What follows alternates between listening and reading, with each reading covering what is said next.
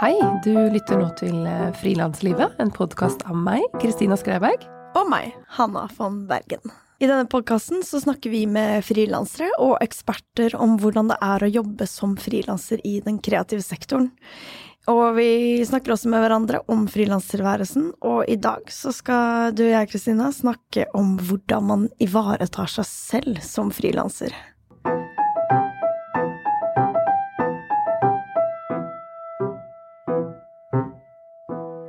For hvordan balanserer man jobb og fritid? Når jobben egentlig bare går eh, Når du kan jobbe så mye du vil, egentlig, som frilanser. Det er ingen som setter grenser for deg. Mm. Hvordan eh, balanserer du egne ambisjoner versus det å nyte livet? Og hvordan ivaretar man seg selv i en frilanstilværelse? Det er det vi skal snakke litt om. Og hvorfor vi skal snakke om det akkurat nå, er fordi vi har bestemt oss for å, at podkasten skal ta seg sommerferie. Det blir fire uker uten frilanslivet. Og det er fordi vi har lyst til å koble litt av. Eh, vi trenger ferie, og vi vil ha ferie. Noen fire uker hvor vi ikke skal måtte forholde oss til noe som helst, egentlig, jobbmessig. Jeg tror det kan være skikkelig, skikkelig sunt. Det er så sunt. Så nå skal vi snakke litt om det der og ja, sette de grensene for seg selv og klare å gjøre det. Hanna, er du god på å ta deg ferie? Nei.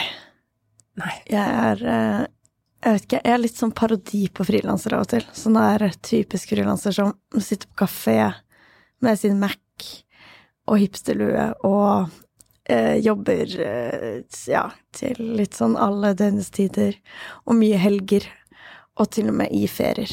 Så og jeg koser meg også veldig mye med det. I påsken så satt jeg og miksa podkast i eh, ganske mange av de dagene. Men eh, Nei, jeg er ikke god på å ta meg ferie, men i fjor så ble det sånn, litt sånn ufrivillig ferie. Jeg hadde ikke tenkt at jeg skulle ha sommerferie, og så fikk jeg ikke noe jobb. Eh, også fordi det var Ja, juli er liksom død måned med en del av de tingene jeg driver med. Eh, så da ble det plutselig ferie, og så tenkte jeg sånn ja, men jeg trenger ikke ferie. Og så første to ukene så var jeg helt sånn Jeg var helt dødsliten, jeg hadde hatt så intens vår. Og så bare var jeg hjemme og rydda, liksom. Og sorterte kabler og fiksa og liksom rensa. Kabler, faktisk. Kabler. Mm. Elektronikk. Mm. Jeg vet ikke, det er noe med å bare rense ut og sortere fysisk, som er så digg etter litt sånn hardkjør. Det er så godt, da. Ja, Det er så deilig, og det har jeg gjort nå også. Akkurat i sånn, sånn prosess. Brukte sånn syv, syv timer på å rydde på rommet i går. Nei, i går, på søndag. Ja, og da hadde jeg de to ukene, og det var helt fantastisk og helt nødvendig. Og da, da tok jeg faktisk en hel måned fri, men det, jeg brukte to uker bare på, på liksom Hva skal man si Komme, Kom inn i komme feriemodus. inn i ferien, ja. Mm. Eh, og hvordan, eh, hvordan er du med det her? Det er vel kanskje De siste fem årene har jeg tatt sommerferie. Sånn ordentlig lang fire-fem uker sommerferie. Mm. Og mm, det endret seg vel egentlig, altså spesielt etter at jeg fikk barn, som nå er fem år siden. Eh, men det endret seg egentlig da jeg møtte Espen, fordi jeg tror det er nå syv eller åtte år siden, jeg husker ikke. Vi skal gifte oss om noen dager. Jeg tror det er syv år, syv år siden jeg møtte han, og da hadde jeg den sommeren eh, allerede planlagt Møtte han rett før sommeren. Planlagt sommervikariat i D2. Eh, som er jo sånn, for journalister en kjempemulighet å komme seg inn steder og knytte kontakter sånn om sommeren. For da er det så mange som er borte, og det er en åpning. Eh, og det var, det var kjempebra, men da kjente jeg jo at oi, nå har jeg fått meg en kjæreste, og jeg har lyst til å være sammen med han når han har ferie. Han har en sånn 94-jobb og har ferie om sommeren. Så det var um, Den sommeren for syv år siden var siste gang jeg har jobbet om sommeren. Og etter det så har jeg alltid hatt ferie. Og det er kun det er både fordi jeg har hatt lyst, og fordi jeg har barn, og da har de ferie. Ja, og hvordan er det med andre ferier utover sommerferien? Det Jeg tar meg stort sett sånn påskeferie og juleferie, og som regel er det ganske rolig for meg i januar, av en eller annen grunn. Det syns jeg det har vært de siste Eller det har jeg lagt merke til at det har vært de siste fem årene. Og da er jeg på en måte bare nytt, nytt det, hva heter det? Nyter at det er det. At det er rolig noen ganger, og bare Ok, da ja, rydder jeg kablene mine. Nei, Strikke. ja, i papirene mine hjemme og går med på yoga og får en god start på året, liksom. Mm. Eller eh, til neste januar-februar skal vi ut og reise, for da er det god timing, liksom. Ja, åh, det Så- er så bra. Og så kult at du reiser, tar med familien. Og Da skal vi til Asia i to måneder, Shit. på tur. Ja. Så jeg har faktisk blitt ganske god på det, hører jeg. Å ta meg ferie, eller ta meg fri. Mm. Det, Men det er Ja. veldig viktig. Jeg er jo enig i liksom teori. ja, Det er bare litt vanskelig for, det, for å overføre det inn i praksis. Men før jeg fikk eh, på en måte møtte, møtte mannen i mitt liv, så var eh, jeg også sånn som bare Jeg bestemte fullstendig over min egen tid, og all tiden, altså jobb og eh, Jobb og fritid, alltid gikk i ett. For jeg, jeg elsker jo å jobbe. Så jeg syns jo fortsatt det er vanskelig å legge fra meg jobben. Fordi andre ting kaller, eller fordi jeg bør legge det fra meg av helsa, liksom. Så um, det er egentlig ytre faktorer som har gjort at jeg har blitt flink til det. Mm. Og så har jeg jo kjent også at eh, Og det gjør meg godt. Mm. At det er viktig, og det tilfører noe bra til arbeidet mitt òg. At jeg er opplagt. At jeg har hvilt, jeg har fått nye tanker og ideer, og fått litt distanse til tingene jeg jobber med, og så videre. At det har noe for seg, da. Jeg tror det, det er veldig, veldig lurt. Og så er det jo det å ivareta seg selv, det på en måte handler om mye mer enn å ha ferier. Seg Absolutt. Så vi skal ikke bare snakke om ferie. Nei, vi skal snakke om litt sånn snakke én time om sommerferie. Å, det var deilig. Hvor skal du i sommer? ja, hvor skal du òg? Jeg skal til Italia på bryllupsreise, faktisk. Ja. ja. ja, så Nei, det skal dere slippe, kjære lyttere, høre om. Så vi tenkte vi skulle starte å snakke litt om Altså litt sånn hvorfor er det så vanskelig å ivareta seg selv som, eh, som frilanser, og den, ha den her balansen da mellom jobb og fritid.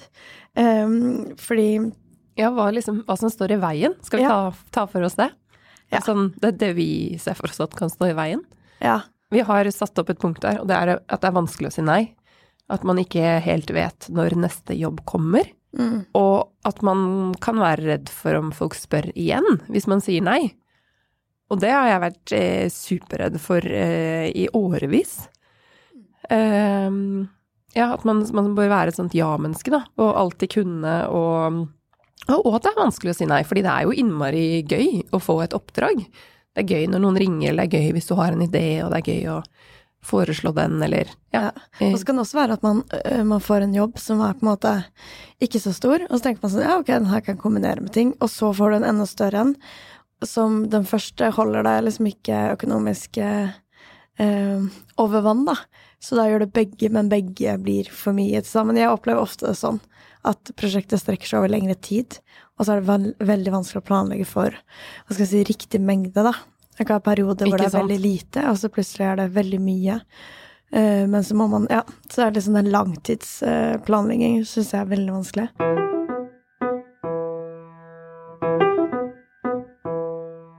Penger. Penger, ja. At man faktisk er nødt til å takke ja. Du endelig fikk du en jobb, eh, eller napp på en jobb, eller ja, fikk en mulighet, og du, du trenger penger. ja. Og så er det flere litt sånn dårligere betalte jobber. Så du har kanskje ikke luksusen å ha liksom én av de, du trenger flere av de.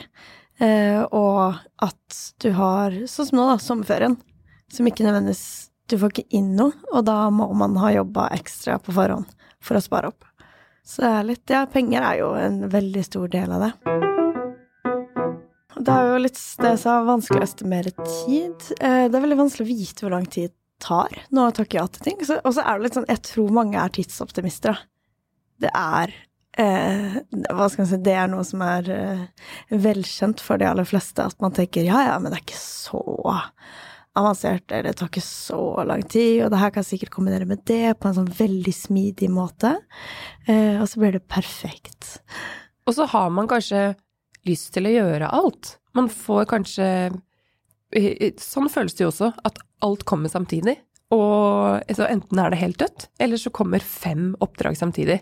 Og alle de har man lyst til fordi man det er vanskelig å si nei, man trenger pengene, og det er vanskelig å estimere tid. Så man bare gjør det. Eh, og da sprekker jo på en måte tidsskjemaet.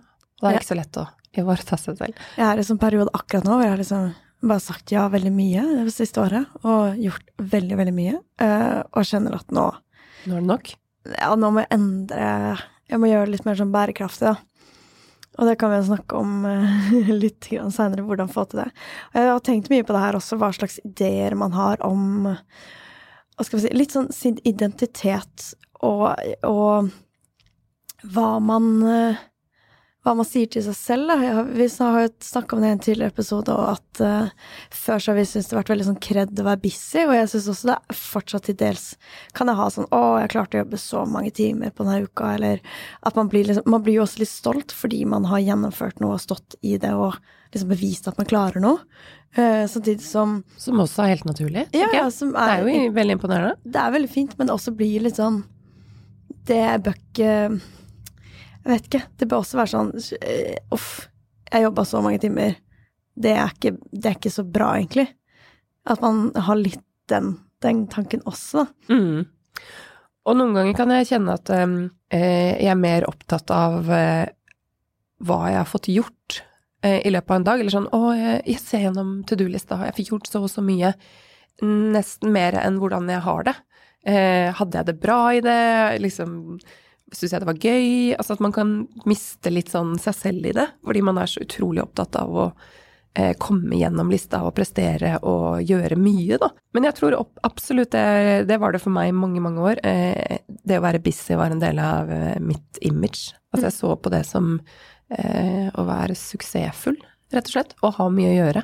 Hvis jeg hadde masse tid, så er det suksess, egentlig? Ja, for det er liksom, da, hvis man tenker sånn Å, var, denne uka fikk jeg en masse penger, det var skikkelig enkelt, jeg jobba ikke så mye. Det er ikke nødvendigvis ting som jeg tenker sånn Det er jo på en måte suksess. Det burde være det. Det, det tenker jeg er suksess. Ja, det er jo det, men jeg tenker også litt sånn Jeg har en sånn her Den blakke, frie kunstneren som jobber hardt og eh, på en måte lever et sånn bohemliv, og jeg har noen sånne forestillinger som jeg ser litt opp til, da, uten at jeg vet helt hvor de kommer fra. Det er vel noe med at det oppleves som liksom kreativt og originalt, kanskje mer enn om du får en drittmirspenn og slacker, mm. liksom. Eh, og gjør det, men gjør det bra. Altså, det er litt sånn Jeg vet ikke helt uh, hva det bunner i, men jeg tror ganske mange kan ha tenke de tingene. Ja, og da tenker jeg at liksom det som sitter i hodet noen ganger kan stå i veien for at du tjener mer penger, faktisk. Eller at du eh, ja, setter grenser for deg selv, fordi du liksom Det fortsatt sitter oppe i hodet der, da. Ja. En sånn forestilling. Eller ja, og det er samme med hva, hvilke forhold man har til penger. At hvis man tenker sånn eh, Nei, jeg kan ikke ta så mye fordi hvem er jeg, eller Altså, det handler jo om litt i den eh, mm. hva, hva, du tenker om deg selv som frilanser, og på en måte Og hva ja, du tenker om penger. Kanskje også litt hva man kommer fra. Ja. Er det naturlig å ha penger og tjene penger og få mye penger for ting man gjør? Eller er det er penger liksom sett litt ned på? Liksom, altså, jeg tenker man sikkert kan ha med seg en del bagasje ja. rundt penger. Ja, og hva, som, hva anses som mye og ikke. Ja. Ja. Det er jo helt uh, Hva heter det? Uh, det kommer jo helt an på du, hvilket sjikte du er i, liksom. Hva du er fra. Hva hvem man omgås, hvem man ja. måler seg med. Og hva man tenker at man burde, burde få inn, da, eller som man på en måte fortjener, eller hva som man føler er sånn oi, det her var litt mye, eller Og det handler jo kanskje noen ganger om redsel også, sånn oi, hvis du gir meg så mye for å holde det foredraget, da må det være helt insane bra. Ja. Eh, mm. Så jeg tror jo at uh, det tror jeg er en veldig viktig del som frilanser, nettopp fordi at man setter på en måte sin egen verdi veldig mye. Eh, i forandringer, da, så klart. Men eh, at man blir liksom bevisst på hvilke slags vrangforestillinger det er man går rundt og, går rundt og har. En siste ting som eh, gjør, som, si, som gjør det problematisk å ivareta seg selv, handler rett og slett om drive, og handler om at man altså digger jobben sin. Og så kan jeg vel ofte tenke sånn jeg vet, hva, hva er den her liksom trenger jo ikke være syv og en halv time om dagen. Det er helt fint å jobbe mye hvis man liker å jobbe mye. Uh, og det har liksom kanskje også, når man snakker liksom om det her forestillingen og identitet Det har liksom også vært en stor del av min identitet, er på en måte å digge jobben og jobbe veldig mye og legge veldig mye engasjement og liksom uh, Ja, legge mye identitet da, i prosjekter og ting man får til. Egne prosjekter, musikk. Og da er det det har ikke liksom vært en mål å kutte ned på det. for det har ikke føltes ut som noe man vil kutte ned på. Eh, og så er det litt sånn interessant å ta opp denne episoden nå, fordi nå har jeg hatt en vår som er eh, kjempe, kjempehard, rett og slett. Og har liksom Jeg har jo følt på det før, men nå begynner jeg å innse at ok, nå må jeg faktisk ta litt tak i det her med balanse, da. Mellom jobb og fritid. Veldig bra, Anna. Ja. Men dette med drive, altså jeg også kjenner at noen ganger bare er det så vanskelig å gi meg, for jeg syns det er eh, supergøy. Både betalte oppdrag og de oppdragene som er selv, eh, selvvalgt, holdt jeg på å si. De man har satt i gang selv. Eh, og sånn som det å få barn hvor man bare ser på klokka Å, den er allerede fire, og jeg må avslutte midt i flyten min her og hente barna i barnehagen. Det er ikke alltid så lett. Eh, men det er kanskje sunt, da, at sånne eksterne ting setter rammer for en. Eh, men jeg syns det kan være veldig vanskelig at selv om jeg har lovet meg selv å gå på den yogatimen en mandag morgen, eh, så kan jeg bare ha mer lyst til å jobbe, fordi jeg digger å jobbe. Det er jo litt sånn luksusproblem, men Ja, det, vi høres sikkert sykt irriterende ut for, for folk flest. Folk som ikke har lyst til det. Vi elsker, vi elsker Uber. Altså, drive er så stort problem. Hvis vi kan kalle det drive, da. Det er så vanskelig å stoppe. Vet du hva, det er ikke alltid det er vanskelig. Noen ganger har jeg bare lyst til å ligge på sofaen. Ja. Eh, Jeg tar meg faktisk en gang imellom en sånn dag hvor jeg ligger på sofaen og ser på Netflix, ser på serier. Det tenker jeg er ganske sunt. Mm. Å få være altså en lat dag hvor jeg ikke sjekker mailen og bare ja, soser og spiser sjokolade og ja, potetgull midt på dagen. Det er kjempebra. Det er jo det Ja. som man bør gjøre som frilanser, når man faktisk har muligheten til det. Men det der med, som du sier, at det, det er du har ikke alltid lyst til å sette sånn Å, nå har jeg jobbet syv og en halv time, og du har egentlig lyst til å fortsette å jobbe med musikken din, eller hva det skal være. Jeg tenker at det er veldig forskjell på de jobbene du må ta, og du har lovet deg bort til å jobbe 15 timer den dagen, og sånn fortsetter du. Det kan jeg tenke meg at man blir syk av etter hvert.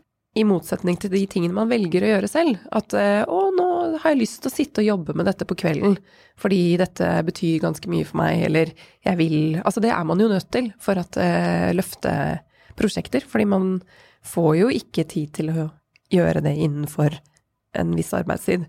Så noe må man jo forsake på en måte også, eller forsake og forsake, men man må bruke tid på det. Men for min del så er det veldig forskjell på det der å ha deadliner og det å bare Nå velger jeg å jobbe med dette. Eh, at det er mer selvvalgt. Det Ja. Ja. Og så syns jeg også handler om perioder.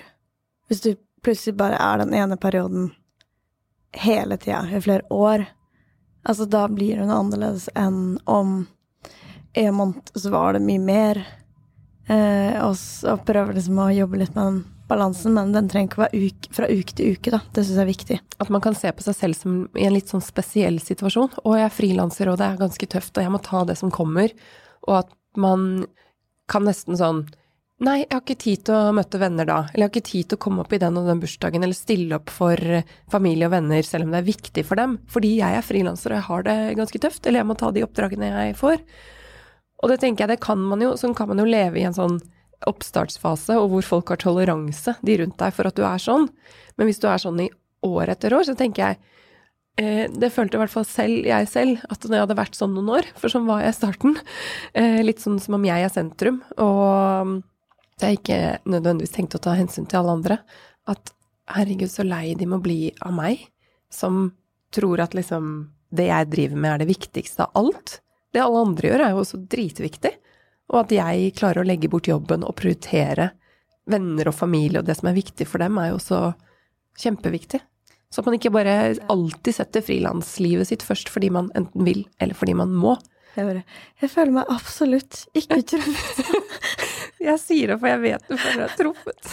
Vi har snakket Og- om det. Ja, og Jeg det tror eh, en- kanskje ikke på en episode, men vi har snakket om det. Ja, og det er Ja. kanskje en av hovedgrunnene til at jeg vil legge om litt, er jo at jeg føler at jeg er en sånn egoperson som ikke stiller opp for noen andre. Også, men det har liksom Man blir så i sin boble, da, og det er så mye jobb, og det er veldig intenst, det er veldig gøy og utfordrende.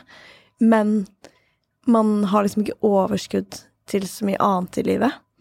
Og det syns jeg er skikkelig sånn destruktivt, så Så ja. Juster det før vennene dine blir drittlei av deg. Før jeg blir en loner. Ja. Før de bare Nå gidder vi ikke mer. Ja, men faktisk. Uh, Ja, for det er jo litt sånn Når er det det bikker over? Og det kan jo ikke Det er jo ikke alltid så lett å kjenne på, egentlig.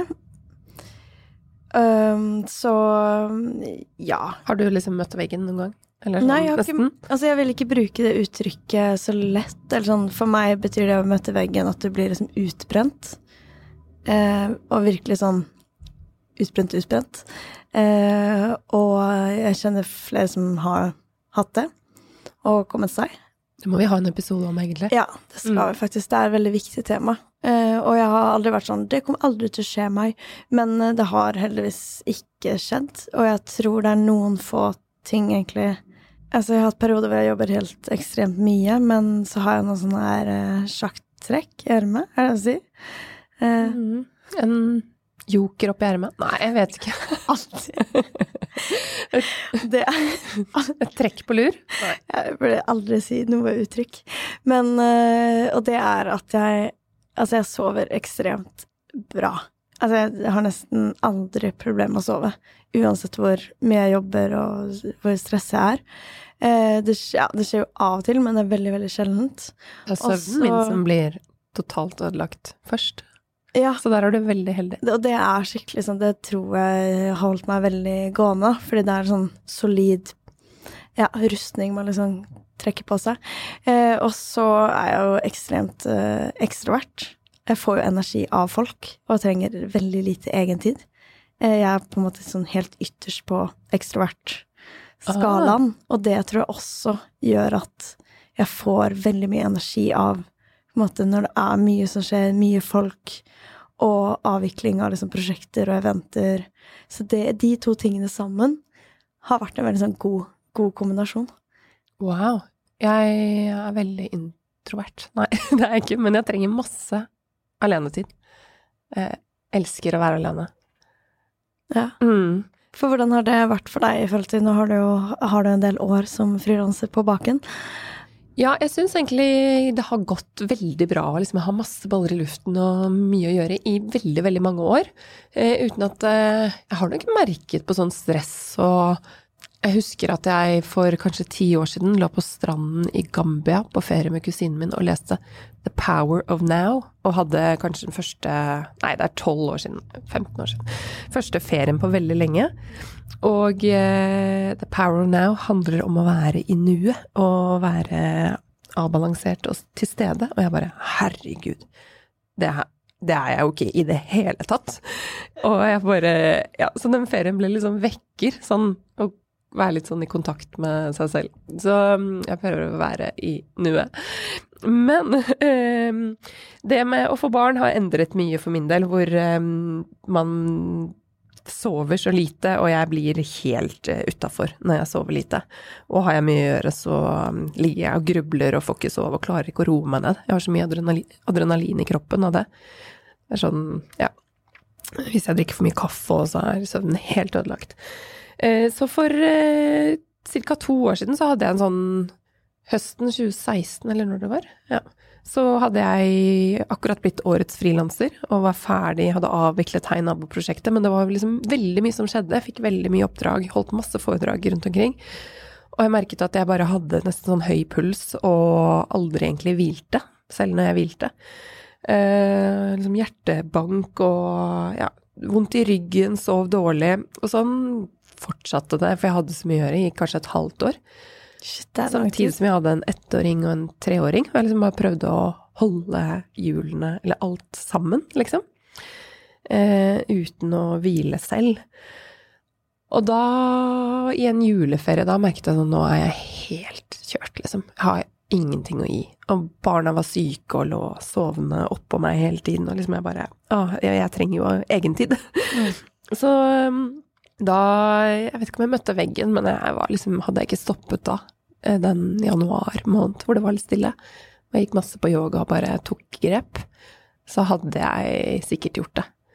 Og den våren da, for eh, et og et halvt år siden, eller noe sånt, eller vinteren og våren, så um, ja, gikk jeg masse Jeg bare sa nei til masse oppdrag, og etter hvert så fikk jeg kyssesyken og var syk i en hel måned, og det var nok et tegn på at jeg var kjempesliten, og det gjorde at jeg endelig fikk en sykemelding og skjønte at noe var galt, og ja. Hvor lang tid tok det før du Jeg Altså var, før den eh, juleferien og før den sykemeldingen?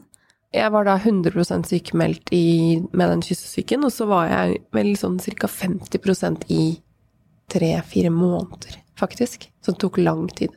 Mm. Men det tok jo veldig lang tid for meg å skjønne det. Jeg tenkte jeg er bare litt sliten. Og Det så er ikke sant, du å har at jeg pusha var det i lang tid, ja. Ja.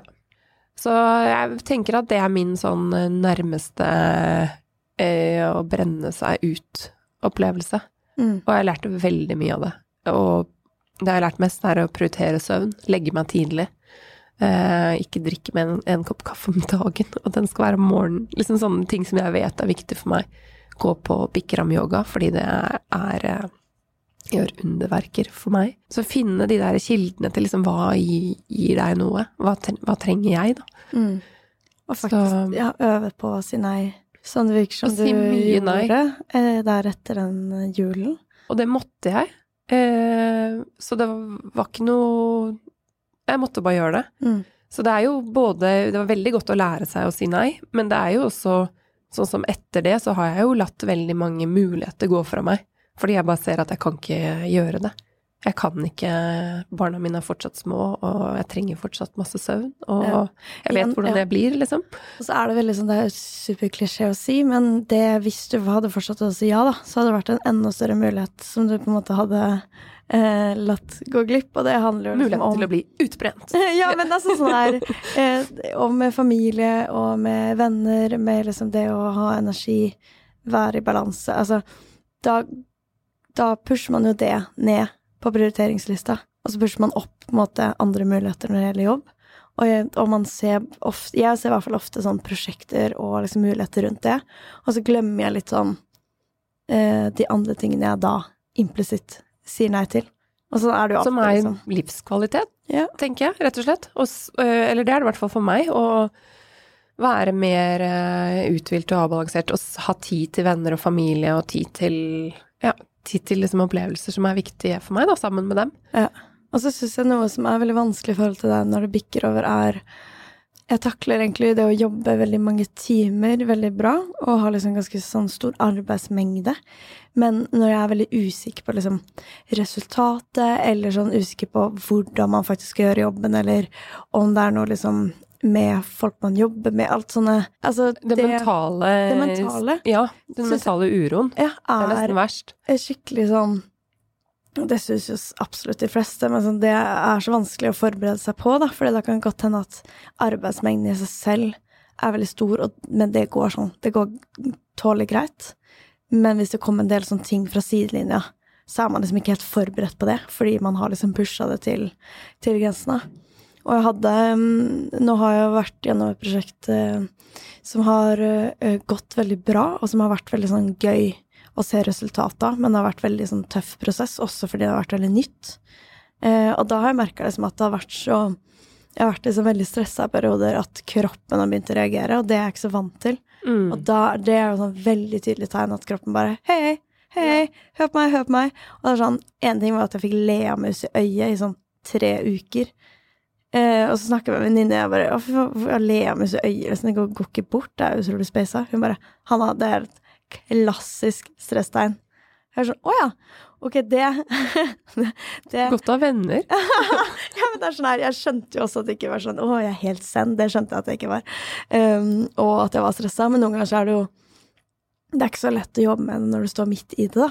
Nei. Da kan man ikke være sånn Ok, da skal jeg bare si nei. Men når Noen ganger må man bare holde ut. Ja, for da er Ja. mitt prosjekt, så da Ja. må du faktisk bare holde ut. Og så er det noe med styrken du får også av å liksom gjennomføre det, og ikke nødvendigvis kutte det midt i.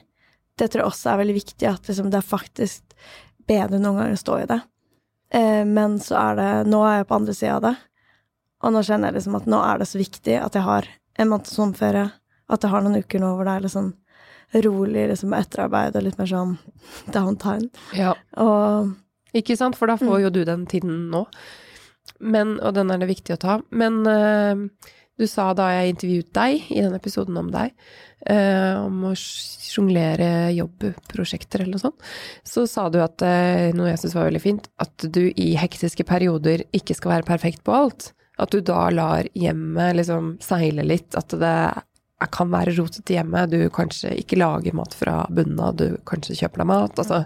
Jeg har jo ikke lagd mat kanskje siden februar, Oi, og nå er vi i Aha. juni. Det er helt sjukt. oi, wow. Eh, og Men det, er- det er jo nesten altså, et tegn på at du har hatt mye å gjøre, men det er jo på en måte bra du ikke står på kjøkkenet til klokka tolv hver ja, så er det litt sånn her hva som gir en energi. Jeg vet jo at optimalt sett så hadde det vært digg å liksom sikkert beveget på seg, spist sunt, men jeg har bare sånn Jeg har ikke ja, jeg har ikke liksom rydda, jeg har ikke lagd mat, jeg har ikke trent.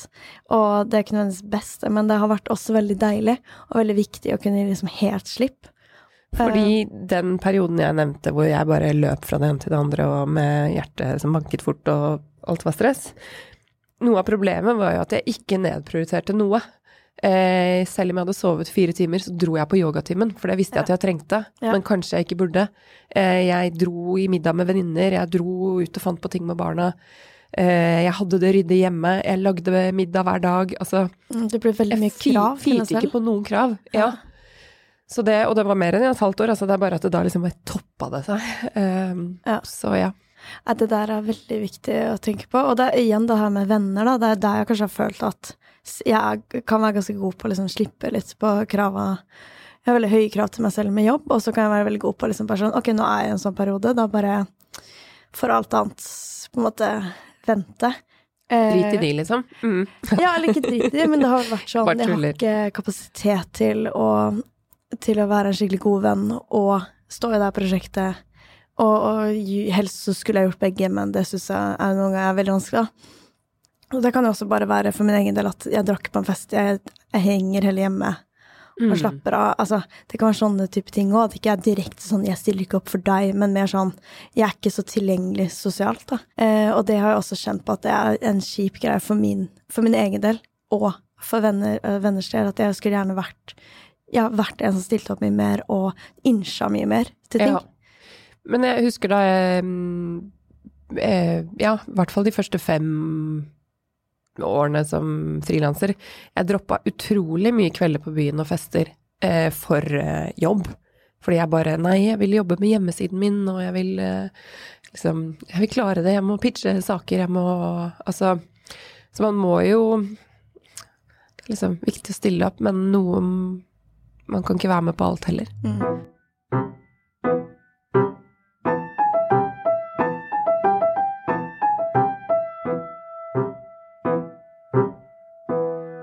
Skal vi se på um, om vi kan uh, drodle litt rundt uh, mulige løsninger? Hvordan man kan få det til bedre? Um, Ja, hva, hva slags uh, ting er det du For du har jo på en måte Du snakka litt om det også, i forhold til når det faktisk bikka litt over for deg, men sånn hva, hva, hva slags ting i din livsstil har du nå som bidrar til liksom, å opprettholde en god balanse? Jeg har uh, yoga og meditasjon. Ja. ja. Uh, hører jeg, høres jeg kanskje veldig svevende ut for noen, men uh, det har jeg. Og det er ikke, ikke meditasjon hver dag, og ikke yoga hver dag heller. Men jeg har det liksom flere ganger i uka. Det har blitt veldig viktig. Og så har jeg at jeg legger meg 10-11, uh, med mindre jeg skal noe. Og så um, har jeg skjønt at uh, selv om visse oppdrag høres veldig kult ut når du blir spurt, eller når du får den ideen om å gjøre det, så i kombinasjon med altfor mye annet, så blir summen av det ikke gøy. Så, og det har vært en kjempeviktig lærdom for meg, for jeg, jeg elsker å begynne på nye ting. Jeg elsker å sette i gang ting.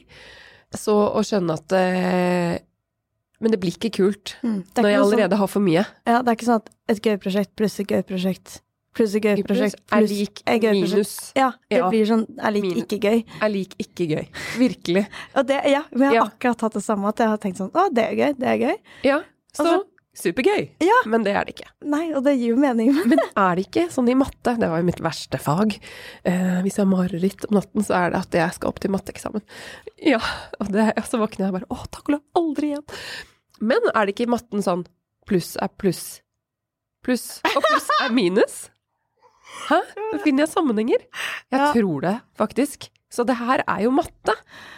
Ah. Ja. Yes. Men eh, Og så har jeg Men det har jeg hele veien. Sånn eh, kontorplass eh, Ja, bare ikke Jo, buffertid. Jeg snakker eh, om bufferkonto.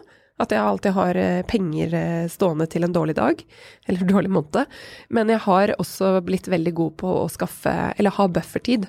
At jeg mm, ser at eh, et prosjekt som skal ta fem dager eller to uker, det kanskje tar to dager mer, så jeg legger inn den tiden. For jeg har alltid mye annet jeg kan putte inn i den tiden hvis det ikke skulle ta tid, eller tar så lang tid. Da kan jeg eh, fikse bilag, og jeg kan eh, ja, jobb, flikke på nettsiden min. Ikke sant, så du konkret tenker da syv dager. Ja. Men er det noe du avtaler pris for de syv dagene da, eller avtaler pris for fem dager, så har du to dager Nei, de er, de er til meg. Ja, nei, da altså Nei, det er, som regel er det at eh, jeg bare Hvis et oppdrag skal ta fem dager, så estimerer jeg syv i kalenderen, sånn at jeg har tid til å gå på yoga innimellom. Hvis jeg, og hvis det ikke blir tid, så har jeg tid til det etterpå. Så jeg tar prisen for eh, tiden. Tiden er mer min, den buffertiden. Den er ikke betalt for. Eh, men jeg trenger den. Og det ble veldig viktig at jeg fikk barn, fordi de er syke i ett kjør. Så hvis jeg ikke estimerer med at ting tar litt lengre tid enn det kanskje gjør, så må du, blir du tvunget til å sitte utover nettene hvis du har et sykt barn, og det blir bare en helt jævlig situasjon for alle. Ja. Um, Og det er bare det at du føler at du ikke kan levere, er så det er en følelse. Ja. Og i hvert fall hvis du føler at du ikke kan levere på basert på Altså på planlegging, da. Ja. Ikke basert på faktisk liksom din kompetanse. Ikke sant? Så, det, så jeg planlegger for det uforutsette hele tiden. Men eh, jeg tar det på min økonomiske kappe. Eh, det er at jeg da Ja. Eh, jeg har bare tid til liksom meg selv innimellom, eller tid til det uforutsette og de syke barna. Mm. Så det mm, Så jeg ikke går rundt og er stressa, fordi jeg har ligget våken veldig mange netter og lurt på hvordan skal denne tidskabalen egentlig gå i hop. Jeg har sagt ja til så mye, og jeg har to-tre uker på meg å gjøre det, og det betyr jo at jeg skal jobbe 15 timer hver dag. Dette kommer jo ikke til å gå. Og det er en forferdelig følelse, syns jeg. Ja, Mm. helt enig. Og så av erfaring så kjenner jeg at jeg bruker etter en lang stressende periode veldig lang tid på å nullstille meg igjen. Eh, det vet jeg du også gjør. Ja. Og det har jeg skjønt er ganske personavhengig, at ikke alle har det sånn. Jeg har snakket med noen venner om det, hvor de bare sånn Ja, men når jobben er ferdig, så er det liksom Det er ferdig. Jeg bærer det med meg i kroppen veldig lenge. Så har jeg hatt to uker med hardkjør, eller to måneder, så Men tar hvordan det merker meg du det? Nei, at jeg fortsatt er stiv i skuldrene, eller at det liksom jager litt i kroppen. At det er ting som At jeg ikke har liksom helt mental ro. Um, ja, bare en følelse av å fortsatt være i stressmodus. Kjenner jeg på. Så, sånn som du sa med den ferien, jeg bruker også i hvert fall en uke på å komme inn i hvilemodus, da. Mm. Eller lenger. Ja, for jeg tenker ofte sånn, ja, så sover jeg et par dager, og så er jeg sånn back, back in the game. Eh, men eh, det tar jo alltid Det tar jo mye lengre tid enn det jeg tror at det skal ta. Og i hvert fall hvis jeg har vært skikkelig sliten, så er det sånn Ja. Det er eh, Og nå denne runden har liksom kroppen begynt å liksom si ifra. Og stemmen bare ble litt hes der en del uker, og ja, det har liksom vært veldig viktig nå å ha det veldig rolig. Mm. Mm.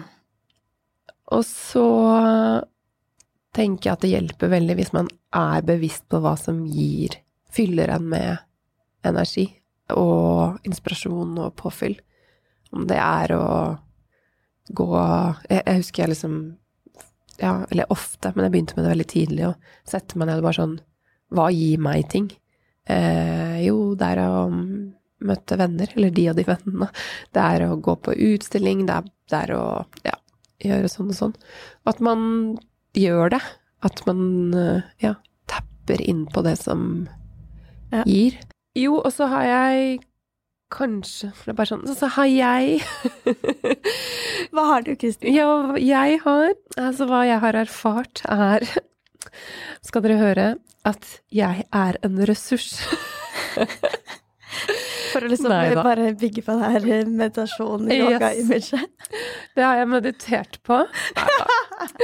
Nei, men altså, det, man kan glemme litt at det, det er jo vi som gjør jobben, og at eh, hvis ikke vi funker, så blir på en måte ikke jobben bra. Og det er eh, sånn som jeg ofte tenkte før, var sånn Det viktigste er at jeg bare kommer meg gjennom lista, få jobba, bli ferdig. Jeg driter egentlig i hvordan jeg har det. Eh, jeg har blitt litt mer bevisst på at det har noe å si hvordan jeg har det. Det har noe å si for hva jeg leverer. Eh, at jeg har det bra i det, at jeg skal jobbe sånn her forhåpentligvis lenge. Og at eh, ja, da må jeg også tenke på meg, da. Mm. Jeg snakket så er det jo ingen som setter eh, Det er sånn klassisk, da, men det er jo ingen som setter grenser for deg. Nei, Og kanskje jeg enda er veldig mer tett i sånn nesa. Unnskyld. Det går bra. Da har du kjørt deg litt hardt. Ja, jeg har det. Det er jo eh, Hva skal jeg si Også som fast ansatt så tror jeg det er også tilfellet, og kanskje spesielt som frilanser, at en arbeidsgiver ser bare den jobben du gjør for den personen, eller for det firmaet, Ja. men ikke alt det andre du driver med. Eh, Så man blir sånn sårbar og er nødt til måte å være tydelig med grensene, fordi selv om man er der du jobber tre dager, så vet jo ikke den personen om du jobber med fire andre prosjekter parallelt. Så det er sånn Det er så viktig å selv sette de grensene, fordi det er ingen andre som kommer til å gjøre det. Ja. Og det å sette grenser eh, handler jo mye om å eh, tørre å prioritere seg selv og ha eh, altså til en stor grad selv, god selvfølelse. Og jeg snakket med kusinen min om det for en stund siden, sånn Hvis du hadde all verdens selvtillit, hva ville du gjort da? Liksom, hvis, hvis, du, hvis du trodde fullstendig på deg selv, og vi begge kom til at ok, jeg ville eh, satt mer grenser, eh, og jeg ville trent mye mer, og liksom hatt mer tid til eh, Jeg ville prioritert helse, på en måte. Eh, vi begge landet på trening, da. Ja, og jeg tenker man kan lande på hva som helst, men at man kanskje må sette Eller liksom være litt, være litt bevisst på å sette seg selv litt først, noen ganger. Og hva er viktig for deg å gjøre? Gjøre det. Um. ja, men det er viktig. Og det er så lett å, å bortprioritere det. Ja, og så er det veldig mange frilansere som, som eh, liksom når oppdragsgiver først ringer, så kommer de liksom springende. De ringer, og du springer. Fordi det er sånn, eh, sånn det på en måte er. Det er de oppdragene du har tilgang til, og du er nødt til å ta de. Og sånn følte jeg det veldig, og så tilbake til det der at man er redd for å At de ikke ringer igjen. Åh, nå. Eh, at de ikke ringer igjen hvis du sier nei, men eh, på et eller annet tidspunkt så tenkte jeg at ok, jeg må frigjøre meg fra det, jeg må få flere ben å stå på så jeg ikke er låst i det der, i, som blir en sånn en, en sirkel du er fanget i, da. Og hvor du da blir redd for å ta ferie og ta deg fri og si nei. Så å prøve å skape rammer som gjør at ikke alt står og faller på den ene eller de to. Så det ja, Hva var det du gjorde da? eh, Finne flere oppdragsgivere. Ja, ikke sant? Ja. Flere ben å stå på. Flere ben å stå på. Og jeg har jo på en måte gjort det samme, men eh, ved å ha eh, noen en deltidsjobb som har vært veldig fleksibel, samtidig som jeg har gjort prosjekter og ja, og tatt Mm. enkeltoppdrag, altså sånn, en sånn salig miks, har Ja. også vært en måte å, å gjøre det mer eh, robust på. Og nå syns jeg Vi snakker jo liksom om løsninger, eh, og jeg skal for første gang i hele mitt liv jobbe. Ta en, eh, ta en litt sånn fast jobb, en 50% stilling, eh, fra 1. august. Og som, eh, som bookingansvarlig på Ingensteds med kulturarrangementer. Og det kjenner jeg er sånn Det blir så utrolig spennende å se om det er en måte eh, å jobbe med denne balansen på, da. Fordi jeg kjenner at jeg trenger fleksibilitet, jeg trenger å gjøre egne prosjekter og ta eh, Ja, være liksom Gjøre ulike typer ting, men samtidig så eh, blir det spennende å ikke ha de her månedene hvor man bare må kaste seg rundt, eller Ja, at det er noe som ligger mer sånn stabilt, da. Jeg tror det vil gi en ro. Ja, Altså, jeg er sånn veldig glad jeg ikke mister deg helt. Ja, og så samtidig så er det jo så interessant, for jeg har jo igjen det her med vrangforestillinger. Jeg tenker, jeg tenker på en måte det går over litt sånn til the dark side, som fast ansatt. Skjønner. Mm. Og i hvert fall med å lage en podkast om frilanslivet. Eh, så det er veldig sånn Jeg tror mange er i den situasjonen. ja, Man er jobber ikke- litt her, eller at det er en periode òg. Ja. Så det Det gjør du ikke. Nei, jeg syns det skal bli veldig, veldig fint å bli sånn varm i, på ett sted. Og, og fordi jeg er så vant til å hvert nytt prosjekt. Er liksom helt ny verden, har aldri gjort det før. Skulle liksom kaste seg inn i det. Og så har jeg gjort det i tre-fire år nå, da.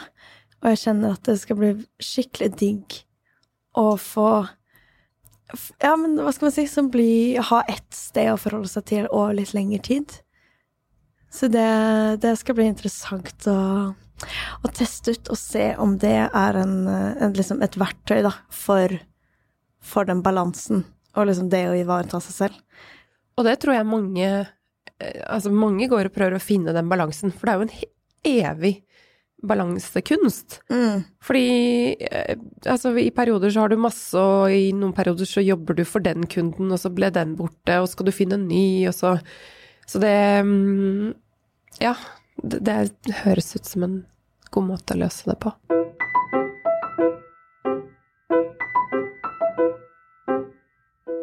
Det er jo også helt sånn konkrete ting som sånn hvor mye man sjekker mailen, og man klarer å koble av, og man Har man på sånn push-varsler når man får mail? Sånn, Altså, push-varsler er djevelen, liksom. det er djevelen. Det der må man bare slutte med. Jeg må det. Og jeg har sånn at når jeg er eh, i den liksom intensive perioden av et prosjekt, så skrur jeg det på. Eller en uke hvor det er en festival eller det jeg jobber med. Så har jeg på push-varsler, og så skrur jeg det av ellers. Og så har jeg perioder hvor jeg sletter mail-appen på telefonen. Oi! Sånn at jeg ikke kan sjekke. For jeg er veldig sjelden Ja. jeg går inn og skriver. eller Det blir sånn, det blir sånn dårlig uvane. Jeg sjekker det før jeg legger meg, jeg sjekker det når jeg står opp. Og det eneste det medfører, er sånn en liten sånn Ok, det er ikke noe jeg trenger å ta tak i akkurat nå. Og jeg mener at hvis noen virkelig, virkelig prøver å nå meg, så får du ringe meg. Ja. Så Og det blir jo at, du, at man sjekker, men man gjør ikke noe med det. Nei. Så det blir bare liggende der som en sånn det blir bare sånn stress. Ja. Ta bare opp plass. Ja. Ja, hva slags type sånne ting eh, driver du med? Jeg eh, har ikke push-varsler, eh, men jeg sjekker mailen altfor mange ganger i løpet av en dag. Og jeg merker at det har ingenting for seg, som du sier. Så det øver jeg meg på. Jeg har akkurat lest en bok som heter The Four Hour Work Week. Om hvordan jobbe Tim Ferris, jeg tror jeg det er han som har skrevet den. Ja. Mm. Hvordan jobbe fire timer i uka. Det er ikke målet mitt, men han sjekker mail Var det én gang om dagen eller noe sånt? Eh, men han i hvert fall eh, råder til at eh, du burde sjekke, altså finne to tidspunkt i løpet av dagen. Fordi folk trenger ikke raskere svar enn det. Så det når jeg sitter og jobber, det er noe annet når jeg løper rundt og har masse ting å gjøre i løpet av en dag. Da sjekker jeg for mye. Eh, men når jeg sitter og jobber, så øver jeg meg på å sjekke før lunsj, og så en time før jeg skal gå. Sånn at jeg får Og egentlig ikke starte morgenen med det. Fordi da er egentlig masse annet jeg skal gjøre, og få lov til å være klar i hodet og Men nå har jeg en jobb hvor jeg skal sitte og skrive mye eller jobbe med bilder og egentlig bli mailforstyrrende. Mange har jo en jobb hvor man trenger å Ja. få mail fra folk. Skrur du av mailen da, på dataen når du sitter og jobber? Ja. Ok, det er Mm. skikkelig smart. For jeg har den Ja. alltid oppe, og så, så sitter jeg midt i noe, og så er det sånn pling. Ja. Og så kommer det en mail, og så Så du har push-varsel egentlig på Ja, på dataen, da? dataen. Ja, det har jeg. jeg ikke. Eh, Jeg har ikke på mobilen, men jeg burde slutte ha det på dataen, fordi man går inn og sjekker fordi man blir nysgjerrig. Man er sånn, å, hvem var det som skrev nå? Hva handler det om? Og så faller man bort fra det man sitter med. Så det er egentlig eh, Det er bare dumt. Og vi snakka om det faktisk på eh, filmfestivalen jeg jobber med, at eh, folk må begynne å bruke schedule-funksjonen i mail. Ja. Fordi hvis du selv viser at du ikke er tilgjengelig mer enn vanlig arbeidstid, så blir ikke det sånn indirekte Du putter ikke det på andre heller, da. Så hvis jeg sender mail klokka ett på natta, det skal jo jeg få lov til å gjøre, men da eh, kan jeg være kul og schedule den eh, mailen til eh, ni på morgenen, da. Så at du slipper å motta den klokka ett på natta. Absolutt. Så det er en veldig sånn Det, det syns jeg er en sånn profesjonell, kul greie som jeg vil øve meg mer på. Og jeg har ikke satt meg inn i hvordan jeg schedule uh, min mail, men uh, jeg er veldig bevisst på det sånn hvor Når er det best for de jeg jobber med å få den mailen? Det er ikke ett på natta, som du sier. Eh, men også jeg er veldig bevisst på at jeg ikke vil sende ut et signal, om at jeg sitter og jobber klokken ti på en lørdag kveld, selv om jeg kanskje gjorde det den ene kvelden. Den ene lørdagen. Eh, så jeg skriver de ofte ferdig, da, og så legger jeg det bare i utboksen. Det er bare sånn knapp som man kan trykke på. Jeg vet at iCloud ikke har det, men jeg vet Ja, at ja, Gmail har det. Ja. Ah, det er det som er så dumt. Jeg har eh, lyst til å skrive til dem og si dere her må dere skaffe det. Det er jo helt dust å ikke ha det. Kan ikke du skrive, så gjør jeg det samme. Ja. Kan alle lytterne skrive til, Til eh, iCloud. iCloud? Da blir det Apple. Så det er derfor jeg ikke har det. Ja. Ja, men det er veldig sant. Da er det en bedre måte å gjøre sånn. Men det er kult med Gmail. Da kan du bare trykke på en liten knapp, og så kan du Ja. skrive liksom i morgen klokka ni. Genialt. Og det er super, superfint. Men du, før vi skal ta sommerferie, så må jeg løpe i et møte med regnskapsfører. Ja. Fordi Ja, eh, ikke sant. Shit, du ja. må gå. Så jeg må gå. Eh, men vi skal snakke mye mer i en helt egen episode, fordi du er helt rå på det her, Anna. Med sånne der apper for tidsstyring og hvordan eh, fikse livet. Sånn- eh, i hvert fall på det systemet System... tekni Ja. Teknisk systemfront. Ja. Ja. Hanna fører timer og bruker ja. Og kan vi ikke bare slutte med noe som jeg syns du sa, du sa det i en annen episode, men jeg syns det var så fint, så jeg vil på en måte ta det opp igjen. Okay. Mm. Og det er det her med ambisjonsnivå. Fordi veldig mye handler jo om ambisjonsnivået ditt, og det handler også om liksom penger, og at du må holde deg flytende og liksom alt det her, men også hva du vil få til. Og du sa det så fint at det er ikke sikkert at man skal ha, det liksom på fullt gir i alle perioder. At det kan man godt skru opp noen hakk, og så skal man skru ned noen hakk. Og ha liksom perioder hvor ok, da er det ikke det er ikke det å få til alt på jobben, liksom det viktigste, eller ta de prosjektene, eller liksom nå lengst, eller Men at man har perioder hvor man er sånn Vet du hva, nå er det det at det skal være rolig, er Ja, det er liksom en bra greie, da. Jeg syns det var fint at man liksom kan tenke på det som litt at man Ja, noen ganger tar man opp på hakk, noen ganger skrur man det litt ned. Og det har jo kommet med liksom erfaring og ut av nødvendighet for min del. Men jeg husker før, uh, før jeg fikk barn, mye endret seg faktisk med det, uh, at jeg syntes det var litt sånn uh, vanskelig å ikke være hun som gjør mye og har mye å vise til at det, å, det skjer mye rundt henne, eller hun har skrevet det eller gjort det, eller vært med på det og det prosjektet. Jeg satt høye krav til meg selv rundt det, og hva andre skulle oppleve at jeg gjorde. Og så tenkte jeg bare sånn, men vet du hva, de har nok med seg selv. De merker ikke om det ikke skjer en dritt rundt meg på fem år. Nei, folk bryr Altså, seg jo ikke. Folk bryr seg ikke. De bryr seg om at du har det bra, måte. Ja, forhåpentligvis. Og det er i hvert fall det jeg må bry meg om. Let go. Let go. Det var hyggelig, Kristina. God sommer. Vi ses først i august, holdt jeg på å si. Snakkes og lyttes. Ha det. Ha det. God sommer.